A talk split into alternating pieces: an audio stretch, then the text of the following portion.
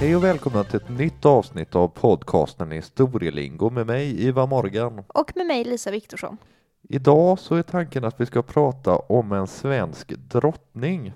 Precis, en av våra senare drottningar. Och den här drottningen levde ett väldigt intressant liv så att det här blir ett bra avsnitt också hoppas jag och tror. Ja, vi ska alltså då prata om Louise Mountbatten. Ja, vi kör igång.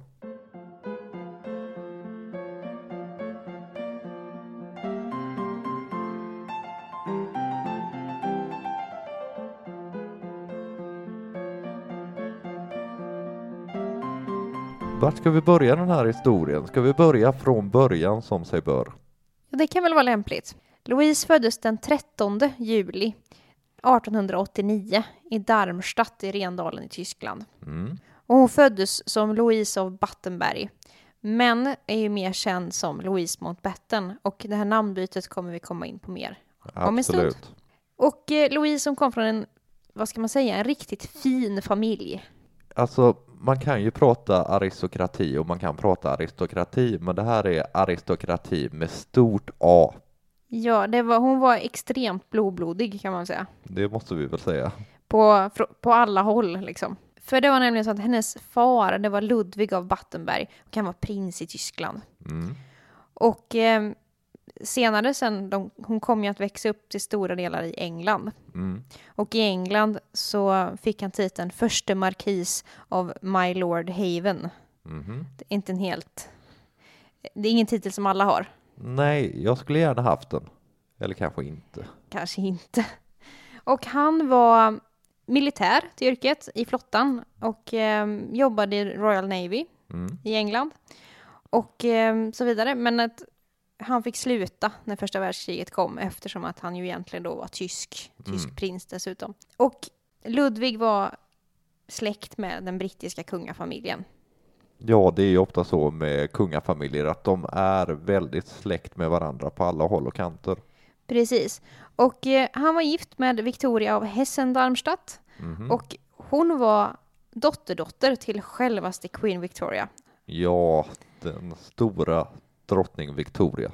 Precis. Och Victoria av Hessen-Darmstadt, hon var her- själv hertiginna. Mm. Och eh, Victoria och Ludvig, de var släkt med varann.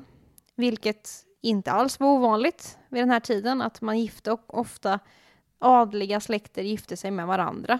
Det blev ju lite så av naturen eftersom det fanns väldigt få släkter man kunde gifta sig med om man skulle gifta sig kungligt och då är det klart att eh, man blir släkt med varandra.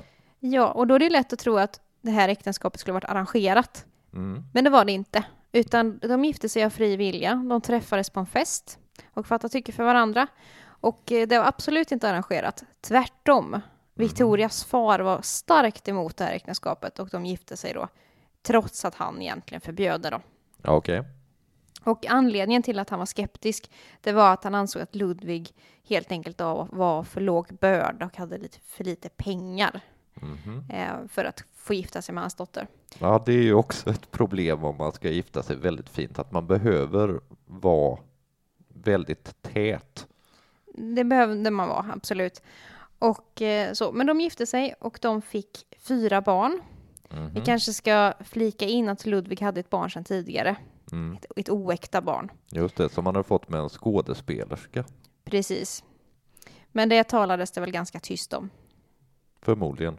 Men som sagt, de fick fyra barn. Och eh, däribland så fanns ju då Louise och även hennes syster Alice. Mm. Och Alice eh, har ju en väldigt känd son, prins Philip, Duke of Edinburgh. Just det.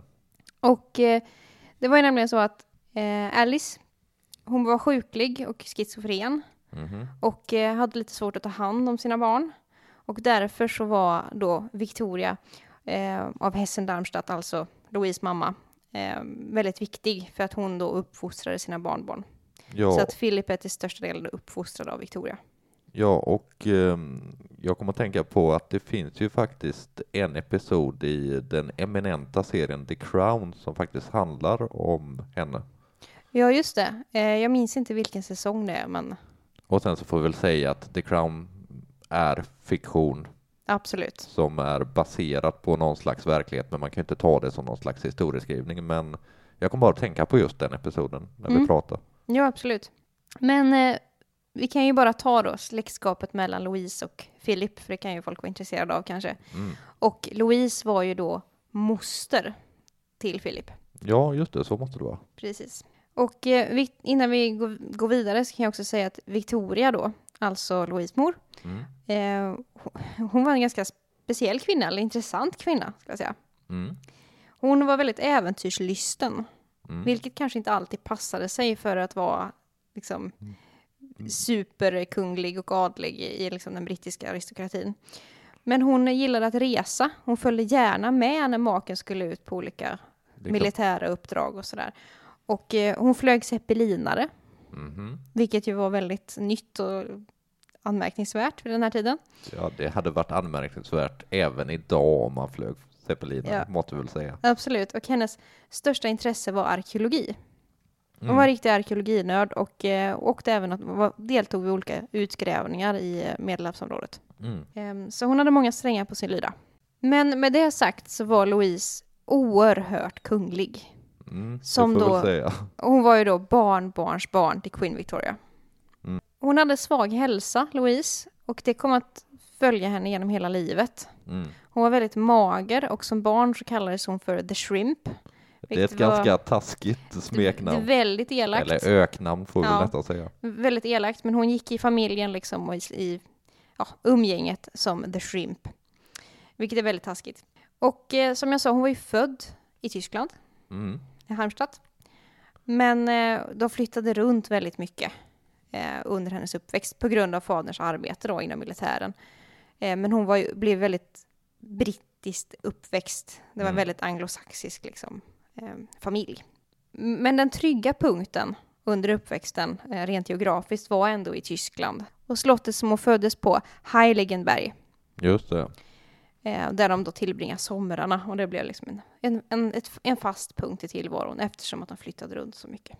Och eh, det var ju inte bara det brittiska kungahuset hon var släkt med. Nej. Hon var ju förstås släkt liksom i, i den, den, tyska liksom utdöende eh, ku- kungligheterna. Men också den ryska tsarfamiljen. Precis. De, den ryska tsarfamiljen kom ju ofta till det här slottet på somrarna och var med. Och han hade ju två mostrar som var ingift i tsarfamiljen. Ja, precis. Så att Louise visste vad det innebar att vara kunglig och röra sig i aristokratiska kretsar kan man säga. Mm. Eh, det var inget nytt för henne sen hon- när hon väl kom till Sverige.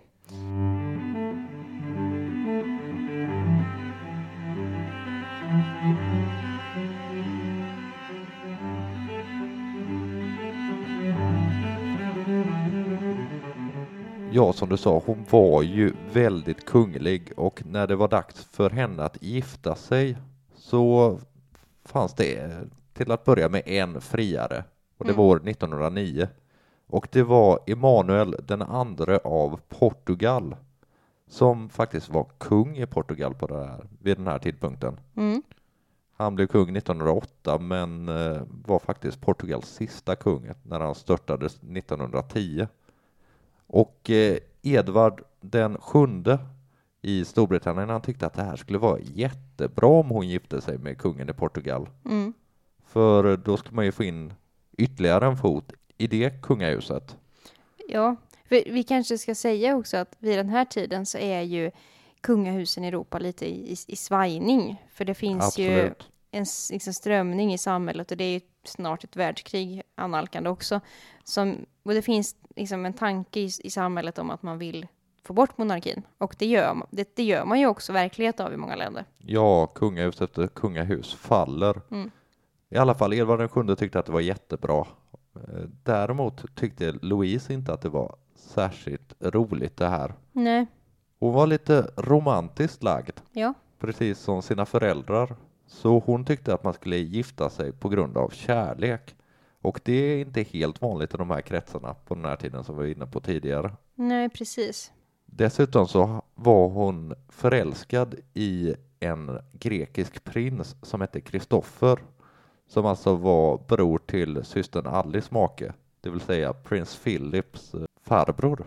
Ja, så måste det bli. Så måste det bli. Ja, det är många släktband att hålla Ja, reda det är, på inte, nu. det är inte helt enkelt att hålla reda på, eh, på alla de här kungligheterna. Men det här äktenskapet gick inte för sig. Hon hade ju börjat med att tacka nej till den här eh, portugisiske kungen. Ja. Men när hon ville gifta sig med den grekiske prinsen så funkar inte det, för han hade ingen förmögenhet utan han levde på sin officerslön. ja, och det gick inte an. Det gick inte för sig att hon skulle leva på en simpel officerslön. Hon behövde ju ha, enligt hennes familj då, en make som kunde se till så att hon fick ett riktigt ståndsmässigt levande och ett ståndsmässigt hem. Ja, precis. Och det här var väl något som Louise själv inte tyckte var speciellt bra. Och hon hade ju också åsikter om det här med hur monarkin och aristokratin fungerar, vilket vi kan komma tillbaka till sen under hennes tid i Sverige. Absolut. Men åren går nu och hon lever liksom i den här ståndsmässiga miljön, ett ganska typiskt aristokratiskt eh, liv Mm. helt enkelt. 1911 så levde hon för det mesta i London med sin mor, eh, sysslade med filantropi, Mm. Framförallt i stadsdelen East End som var eh, liksom Londons slum på den här tiden. Ja, precis som vi har pratat om i avsnittet om Jack the Ripper Just det. till exempel. Och här så arrangerar hon framförallt eh, kvällsaktiviteter för fattiga pojkar, liksom att de skulle få ha lite roligt. Det tog dock stopp när kommunen lade sig i, för de tyckte väl kanske att det var lite slöseri med pengarna, att eh, de skulle göra det istället för att kanske dela ut mat eller något. Mm. Men just det här, det har vi varit inne på tidigare i den här podden också, men filantropi var någonting som var någonting som man sysslade med ofta om man var övre ståndsperson. Ja, exakt. Vi gör ett litet hopp nu till 1914 och juli. Och det här är ju ödesmättade dagar. Ja, verkligen. Inte bara för henne utan för hela världen.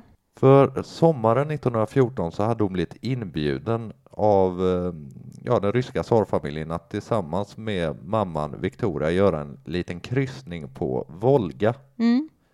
Och när jag säger liten kryssning så menar jag en stor kryssning med pompa och ståt. Den ryska tsarfamiljen hade nämligen en lyxjakt som hette Standard och eh, om vi tar lite siffror på Standard så var det 112,8 meter lång, det skeppet, och hade en bredd på 15,8 meter. det är ett jätte, jättefartyg. Ja, det är ett helt enormt fartyg och det var superlyxigt med mahogny och eh, under däck så var det massa kristallkronor och eh, ja, all extravagans man kan tänka sig. Ja, det, jag tror inte det går knappt att föreställa sig hur lyxigt det måste ha varit. Jag har sett eh, nuvarande norska kungen, Haralds, hans eh, kungajakt har Mm. jag sett eh, eh, live, jag på säga. Men den är, den är ju som en liten roddbåt i jämförelse med den Ja. här. Ja, det hade varit ganska fånigt om man som modern kung idag åkte runt med ett sånt här fartyg. Ja, det hade det varit. Tsaren var inte ombord på det här, men eh, tsarfamiljen var ombord. Mm. Och där hade vi ju de här, eller en av de här mostrarna, nämligen en moster som hette Elisabet, eller Ella som hon kallades. Mm. Och hon var gift med storfursten Sergej. De hade gift sig 1884 och han var då son till tsar Alexander, Mhm. en tidigare tsar.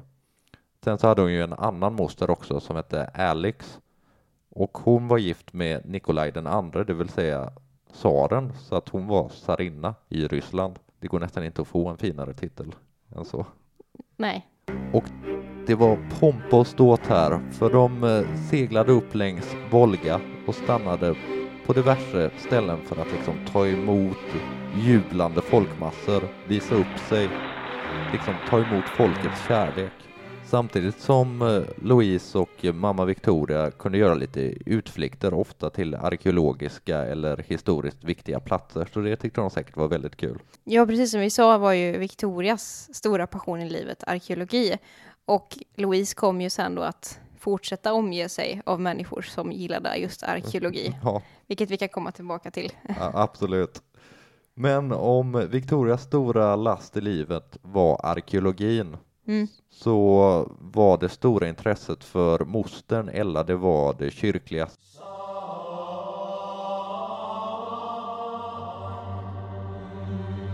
Så att hon hängde inte med på det här utan hon besökte olika kloster och grejer. Och Mitt under all denna pompa och ståt så kommer det ett telegram ifrån pappan Ludvig och i det så, det är ganska kort, men det står att ta er så snabbt som möjligt till Sankt Petersburg. Mm. För det har ju hänt grejer i världen. Det har ju gjort det. Världen börjar rusta för ett av de vidrigaste krigen som någonsin genomförts.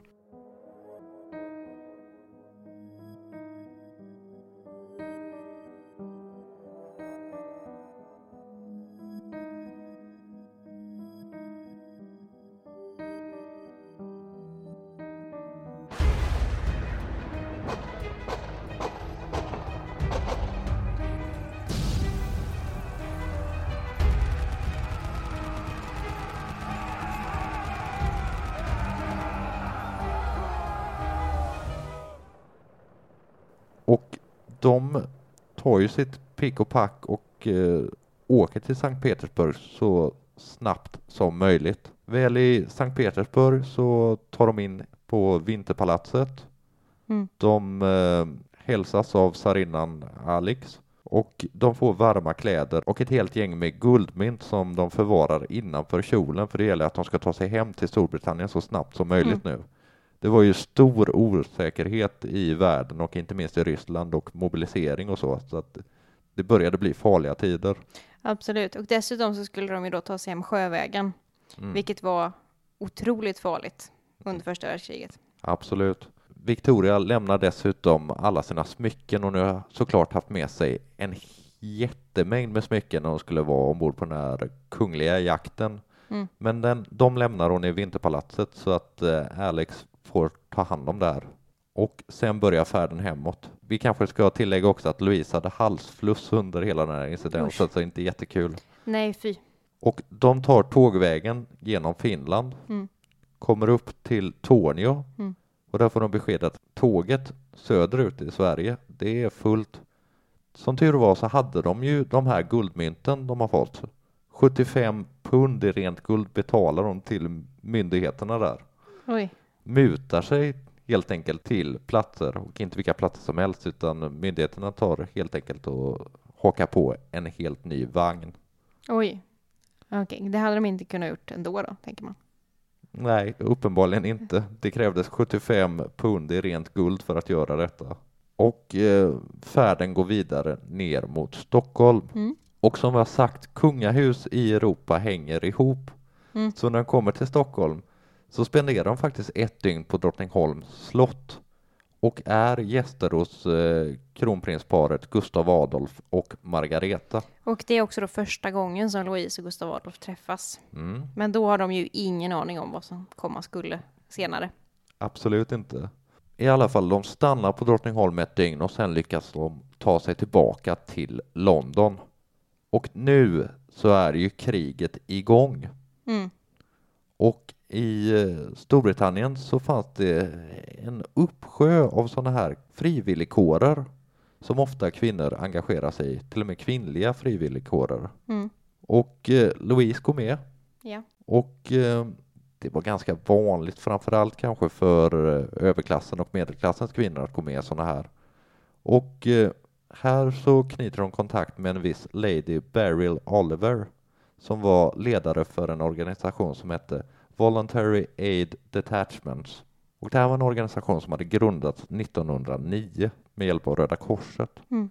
Och eh, Beryl Oliver hon bossade för 23 000 frivilliga sjukvårdare då. Ja, Det är inte lite. det är stort ansvar. Absolut. Och de här sjukvårdarna, eller de frivilliga sjukvårdarna, de var inte militärsjuksköterskor, så de stod inte under militärens kontroll, utan var helt enkelt frivilliga kvinnor som ville göra någonting för sitt land. Nu kommer jag att tänka på, du refererade till The Crown tidigare. Vi kan ju flika in en annan brittisk eh, dramaserie, Mm. Downton Abbey, som ju Just är det. 100% fiktion. Eh, men där är ju en av döttrarna där i lordens eh, familj, eh, Sibyl heter hon väl, yngsta dottern, är ju frivillig i Absolut. kriget på samma sätt. Ja, det hade inte så mycket med det här att göra, men Några andra som var frivilliga, förutom eh, den fiktiva dottern, var Amelia Earhart. mm, Hon är ju känd som pilot. Ja, hon var ju världens första kvinnliga pilot och hon korsade ju Atlanten till exempel. Sen har vi en annan här, Agatha Christie. Mm, är en av världens mest säljande författare. Jag har en deckardrottning av Guds nåde. Absolut. Det en- originalet, höll jag på att säga. Och eh, sen så har det här ju också varit med i fiktionen, just den här eh, organisationen också. Mm. Till exempel Hemingway nämner karaktärer som varit med där i två av sina romaner, till exempel Farväl till vapnen och eh, Och solen har sin gång. Mm.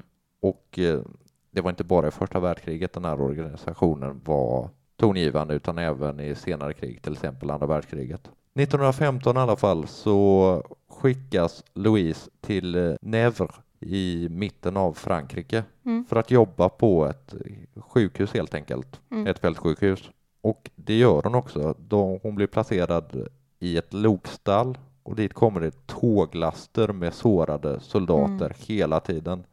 Och det här var ett väldigt, väldigt krävande arbete. Jag tror inte man kan föreställa sig vad man gick igenom på sådana här militärsjukhus. Nej, det tror jag inte att man kan. Då kan jag ju passa på att referera till ytterligare en BBC-serie.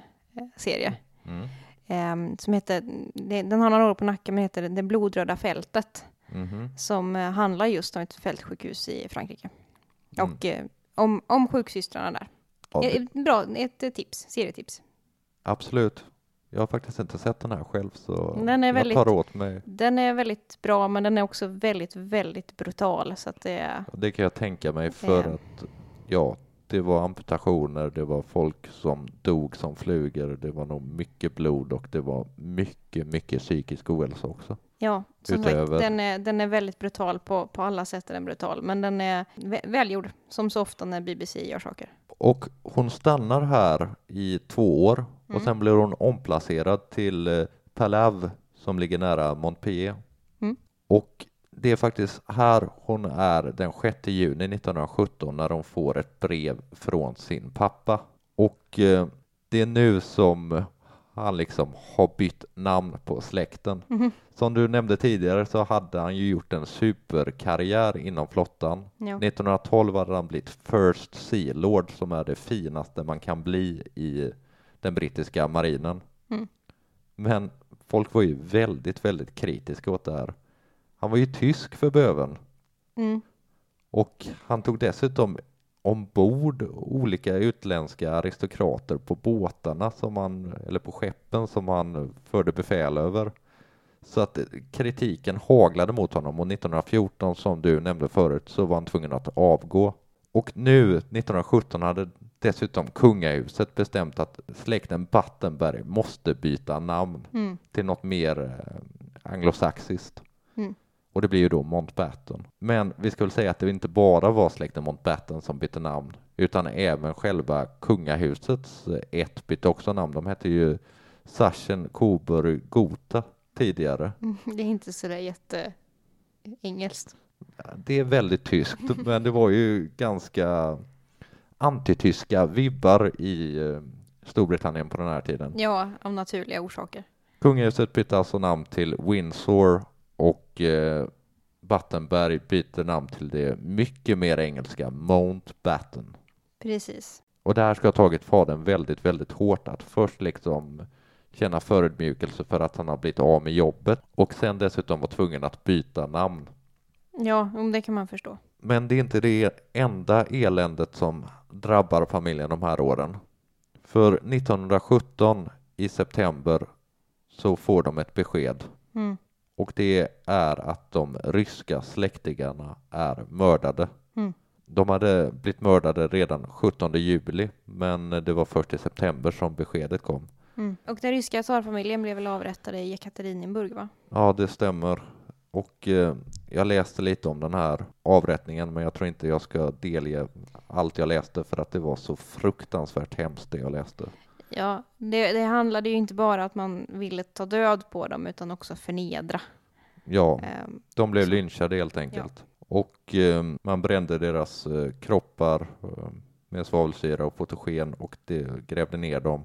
Och det var faktiskt inte förrän 1989 som man hittade kvarlevorna. Mm. Och En liten detalj till det här är att när Louise och hennes mamma hade gjort den här flykten, får vi nästan kalla det, när de skulle hem till Storbritannien, Ja, det får man väl definitivt kalla det. då hade de passerat den här staden och de hade sett ett hus som de hade tänkt på lite grann. Och eh, när brevet kommer så var deras första tanke på det här huset som de hade sett tidigare och det visade sig senare att det var just utanför det huset som eh, släktingarna hade blivit mördade. Okej. Det är ganska obehagligt. Ett litet tag senare kommer ett nytt besked och det är att eh, moster Ella, eller Elisabeth, också är död. Hon hade blivit nedkastad i ett gruvschakt. Mm. Och det här var ju såklart väldigt, väldigt svåra tider för familjen när, ja, väldigt nära släktingar hade blivit mördade. Dessutom var det en svår tid rent ekonomiskt. Mm. För familjens pengar var insatta i ett ryskt gruvföretag så att de pengarna kunde, ju- fick de ju aldrig se röken av igen. Nej. Och eh, som jag nämnde förut så hade ju mamman, Victoria, dessutom lämnat alla sina smycken Mm. i Vinterpalatset och eh, de såg de inte heller röken av. Nej, de var förstås att det var, det var inte vilka smycken som helst. De var nog värda väldigt mycket pengar. Sen kom ju freden och eh, då kom hon tillbaka till Storbritannien. Mm.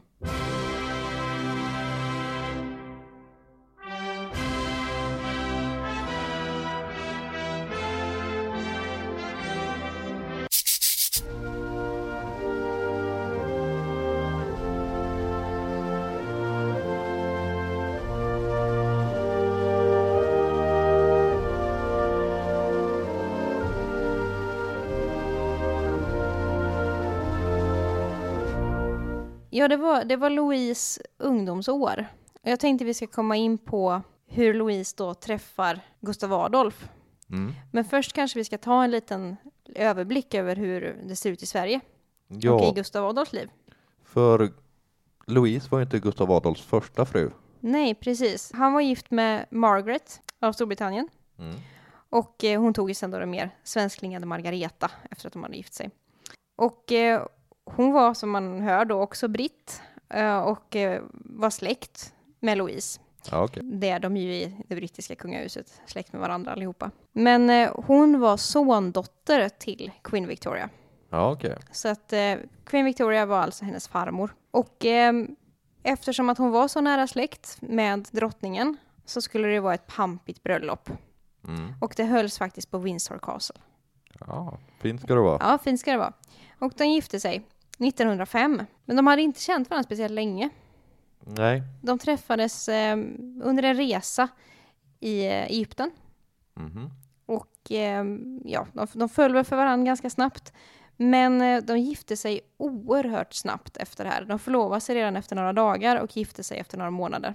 Ja, okej. Och eh, det har man ju diskuterat varför den här giftermålet kom så himla snabbt på. Och det är nämligen så att i Sverige händer det någonting 1905. Mm. Vi har unionsupplösningen med Norge. Och man vill liksom, det här lite, lite grann av nederlaget med att man tappar Norge och eh, så vidare, så vill man då ha någonting positivt och eh, något jippo liksom. Lite pomp och ståt Ja. helt enkelt. Och då passade det ganska bra att prinsen precis har då träffat sin, eh, sin fästmö. Så att vi vet inte om det är därför det blev ett oerhört snabbt eh, giftermål. Skulle det vara så så skulle det vara ganska cyniskt. Ja, men det, det är någonting som har diskuterats att det skulle kunna vara så. Men, men som sagt, vi vet inte. Men vi vet ju någonting om Gustav Adolfs far. Och han Mm. var ju ofta ganska cynisk och beräknad, så att Ja, det är inte helt omöjligt. och då är det Gustav V vi talar om. Absolut. Hur som helst så um, de gifte sig inte arrangerat, utan de gifte sig av eget initiativ, så att säga, eller ville leva tillsammans av eget initiativ. Och Margareta blev extremt omtyckt Mm. i Sverige. Hon tog som sagt direkt namnet Margareta istället för Margaret. Mm. Och eh, hon höll på väldigt mycket med välgörenhet, som ju ofta liksom, kungliga kvinnor höll på med. Och hon var i, även väldigt idrottsintresserad, och både att utöva och att eh, engagera sig i idrottsföreningar. Ja, okej. Eh, och i alla möjliga olika sporter. Allt ifrån liksom, lagidrotter till, eh, till eh, skidåkning och sådär. Så. Ja, Hon var väldigt intresserad av, av sport. Och eh, då blir man ganska folklig också. ja om det man är håller- självklart. Om man är intresserad av liksom folkliga idrotter. Det var ju liksom inte hästpolo vi pratade om, utan det var väldigt folkliga sporter. Hästpolo som är så folkligt. inte så, och framförallt inte i Sverige. Hon lärde sig väldigt snabbt svenska, flytande svenska. Hon hade språköra och lärde sig klanderfri svenska väldigt snabbt, vilket ju också bidrog till att folk tyckte om henne för att gemene man i Sverige var inte jätteduktig på engelska vid den här tiden. Nej, det var tyska man lärde sig i skolan. Absolut, det var det. Och eh, ja, men hon var väldigt populär och hon liksom var intresserad av folket och sådär. Hon var även populär i de kungliga krets kretsarna. Mm. När de gifter sig så får de en väldigt fin bröllopsgåva av eh, eh Gustav Adolfs farmor och farfar, Mm. Sofia och Oscar II. Ja, låt mig gissa nu. Kan Mm. det vara ett slott? Det är ett slott. De får Sofiero slott utanför Helsingborg. Och eh, det är lite sådär halvförfallet när, de får ta över det. Men Mm. de rustar upp det och framförallt anlägger de den här jättevackra trädgården då, som ju fortfarande idag finns kvar. Och idag är det ju öppet för allmänheten. Mm. Och eh, de trivs väldigt bra på Sofiero och de kom att tillbringa det mesta av sin tid där. Mm. Eh, Margareta och Gustav Adolf. Och de får ju några barn också. Gustav Adolf, som Mm. ju kommer att bli då arvprins. Och det är ju vår nuvarande kungs far, som ju tyvärr gick bort alldeles för tidigt. Mm. Sigvard, Mm. designprinsen. Ehm, Ingrid, som kommer att bli drottning av Danmark. Bertil, motorprinsen. Mm. Och Karl Johan. Och eh, Karl Johan, han eh, blev inte prins som vuxen, eller han, han var inte kunglig som vuxen. För att eh, han träffade sin käresta, Kerstin Wikmark. Mm. Och eh, Gustav V med sin cyniskhet sa tvärnej. Inte under några som helst omständigheter får ni gifta er. Och Karl Johan han sa att jag struntar i det, jag gifter mig med henne ändå och då tog Gustav, eller, och då tog Gustav V ifrån honom alla kungliga privilegier, rättigheter, pengar och så vidare. Mhm. Så att han eh, gick under namnet Karl Johan Bernadotte och Mhm. eh, gick bort för inte så många år sedan faktiskt. Men Margareta har problem med hälsan Mm. och hon eh, dog bara 38 år gammal 1920 i blodförgiftning. Dessutom gravid i åttonde månaden. Hemskt. Oerhört tragiskt. Och det här drabbar inte bara kungafamiljen utan hela Sverige väldigt hårt. Det blir en extrem landssorg. Ja, som du var inne på tidigare så var hon ju väldigt omtyckt och då blir det såklart en extrem landssorg. Absolut. Och Hjalmar Branting ska ha sagt då eh, i samband med dödsfallet att nu har solstrålen på Stockholms slott slocknat. Mm. Eh, Gustav Adolf blir naturligtvis förkrossad. Han blir ju ensam lämnad med fem barn som är väldigt små. Mm. De är ju under tio år. Och eh, han börjar resa lite grann för att skingra tankarna och han reser till England. Mm. Och då börjar han umgås i liksom, de adliga och kungliga kretsarna. Och eh, där träffar han då Louise Mountbatten igen, som han ju då kände sen innan eftersom att hon hade sovit över på Drottningholm. Nu är vi framme vid år 1923 va? Precis, 1923 så träffas de vid olika liksom, middagsbjudningar och sådär. Och eh, ja, ha- han är ju i behov av en ny hustru eftersom att han som sagt är ensam med de här fem barnen som ju har mist sin mamma och sådär och vill ha en, ha- han vill att de ska få liksom en kvinnlig, en kvinna in i sitt liv på det Mm. sättet. Och eh, de bestämmer sig därför ganska snabbt om att de ska gifta sig. Mm. I Sverige är man inte lika övertygad. Nej. Och det blir ju bråk i Sverige för att enligt su- successionsordningen så får ju inte en kronprins gifta sig med en kvinna av folket. Och det låter ju helt absurt eftersom att Louise var super, super kunglig. Alltså jag tror inte att det går att få mer blått blod än det som Louise hade. Men hon var inte prinsessa. Nej. Och ehm, ja, nej, men det var väl först så sa man nej, att det går inte att gifta, det går inte an att ni gifter er. Men Gustav V, som ju var speciell och ehm, en surkatt på många sätt, eh, visade faktiskt lite barmhärtighet eh, just i det, här fallet. Och eh, han gör helt enkelt så att han fastslår att Louise visst var av kunglig börd Mm. och de får gifta sig. Det var ju schysst av honom. Och de gifter sig i London på St. James Palace den 3 november 1923. Mm. Och eh, som sagt, det var ju inte bara, hon fick ju inte bara Gustav Adolf utan hon fick ju också fem styvbarn På på köpet. köpet. Och väldigt små styvbarn. Och eh, det var ju viktigt att den här relationen skulle fungera. Och det var lite svårt till en början av naturliga orsaker för att som sagt de är små, de har precis mist sin mamma. Mm. Och eh, Margareta var väldigt liksom öppenhjärtlig och kärleksfull och omtyckt så. Så att det går ju inte riktigt att ta hennes plats. Nej.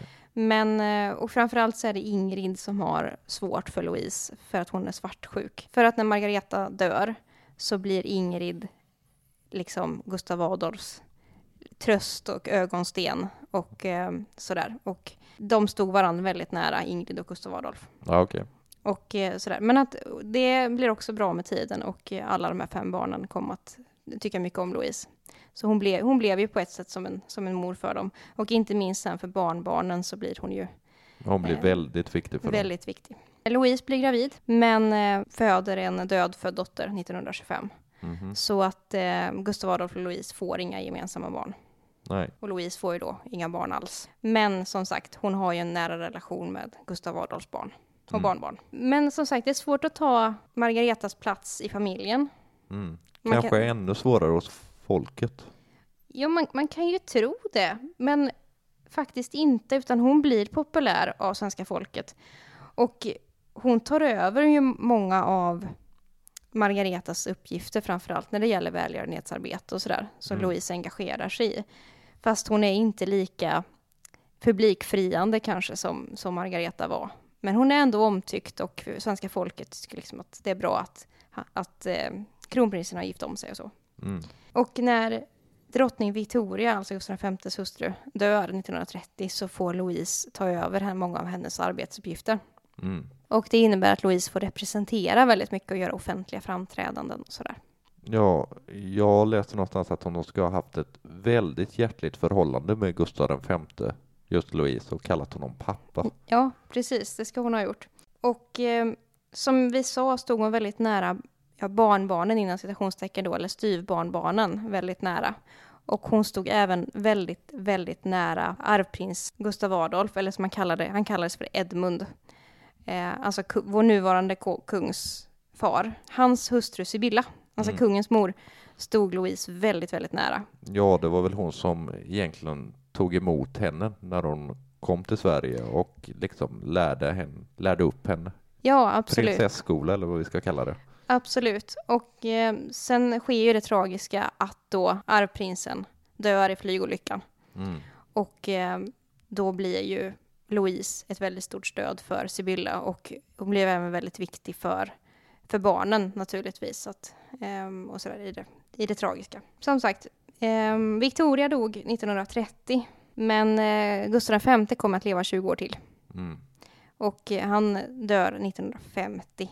Och då blir då Gustav Adolf kung. Mm.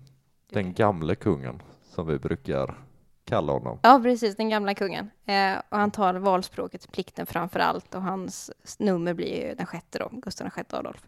Och eh, då blir ju såklart eh, Louise drottning i samma veva. Precis. Och eh, hon representerade ju redan mycket. Mm. Det hade hon ju gjort i 20 år. Mm, och hon tog det på väldigt stort allvar. Men hon ville också kunna vara privat.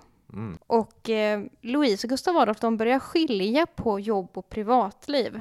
Mhm. Och blir det första kungaparet som liksom ser regentskapet som ett yrke, som ett jobb. Intressant. Så att när de var offentliga så tog de det på största allvar och eh, var folkliga och representerade och sådär. Men när de var privata så var de väldigt tillbakadragna och privata och Mhm. ville, ville helst hänga på Sofiero. Eh, eller resa runt. Och eh, framför allt Louise värnade mycket om privatlivet. Och eh, hon var lite, som vi var inne på tidigare, lite skeptisk till eh, det här med att, ja, inte, inte monarkin kanske i sig, men hon var skeptisk till att man skulle ha så mycket privilegier och det skulle vara så mycket ceremoniella grejer runt Mm. kungahuset. För att hon tyckte att i ett demokratiskt land som Sverige så, så, så är alla lika mycket värda. Ja, man kan ju tänka sig att hon hade blivit väldigt färgad av sitt jobb vid det här fältsjukhuset. Absolut. Och eh, hon beundrade väldigt mycket den svenska demokratin och hur långt Mm. den hade kommit. Och hon ville gärna att den skulle utvecklas ännu mer. Och hon ska ha haft väldigt mycket humor också, eh, Louise. Men hon ville som sagt vara privat och när de reste, när hon reste så kallade hon sig ofta för fru Olsson. Ja, Och ville liksom vara helt inkognito och vara sig själv och inte behöva vara kunglig. Men eh, hon hade ändå liksom tänkt igenom vissa saker så att när hon reste ju mycket till England och hälsade på släkten. Och Ja, när, hon, klart. när de var i London så gick hon alltid runt med en lapp i handväskan. Mhm. För det är mycket trafik i, i London. Mhm. Och skulle hon bli påkörd så hade hon en lapp i handväskan där det stod I am the Queen of Sweden. Ja, okej. så att folk skulle veta. Eh, vem hon var. Men hon gillade inte riktigt offentligheten. Hon var ganska blyg. Hon som sagt tog representationen på allvar, men hon ville helst vara privat. Och eh, hon ska ha sagt i samband med tro- trontillträdet så ska hon ha sagt Folk tittar på mig som om jag vore något märkvärdigt. Jag ser väl inte annorlunda ut idag än vad jag gjorde igår. Mm. Så att hon har väl, de har väldigt eh, moderna tankar om eh, monarkin. Både då Gustav VI Adolf och Louise.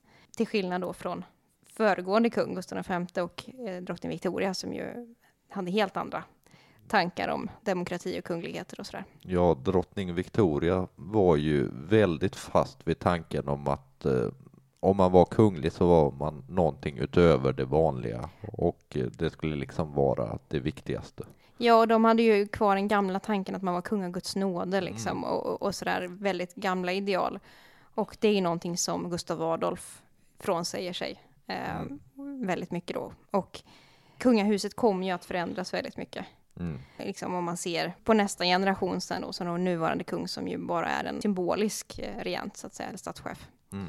Och eh, som ju fick gifta sig med Silvia, som ju är en eh, kvinna, Kvinna av av folket. folket. Och eh, sådär. Så, att, så att det har ju, under Gustav VI Adolf så händer det väldigt mycket med den svenska monarkin, kan man säga. Och till skillnad från sin svärfar också när det gäller det andra världskriget så var ju inte Louise tyskvän. Nej, det var hon inte, trots att hon var född i Tyskland. Så det var lite splittringar i familjen där vem man skulle heja på. Ja, precis. För att eh, Gustav V hade ju väldigt tydliga sympatier med Nazityskland. Och eh, Louise var antinazist. Mm. Så att eh, det var nog många hetska diskussioner, kan jag Det tro. kan man tänka sig. Men som jag var inne på förut så var ju Louise hälsa lite knagglig. Mm. Och eh, hon eh, kämpar på och hon gör sina uppdrag även om hon är krasslig och dålig. Men i samband med Nobelfesten 1964 så blir Louise väldigt sjuk. Mm. Och eh, hon dör sen eh, i mars året efter. Den 7 mars 1965 så dör hon efter komplikationer av en operation. Mm. Men hon gör det omgiven av familjen. De sitter runt henne, eh, både Gustav Adolf och sen Ingrid, Sigvard och Bertil.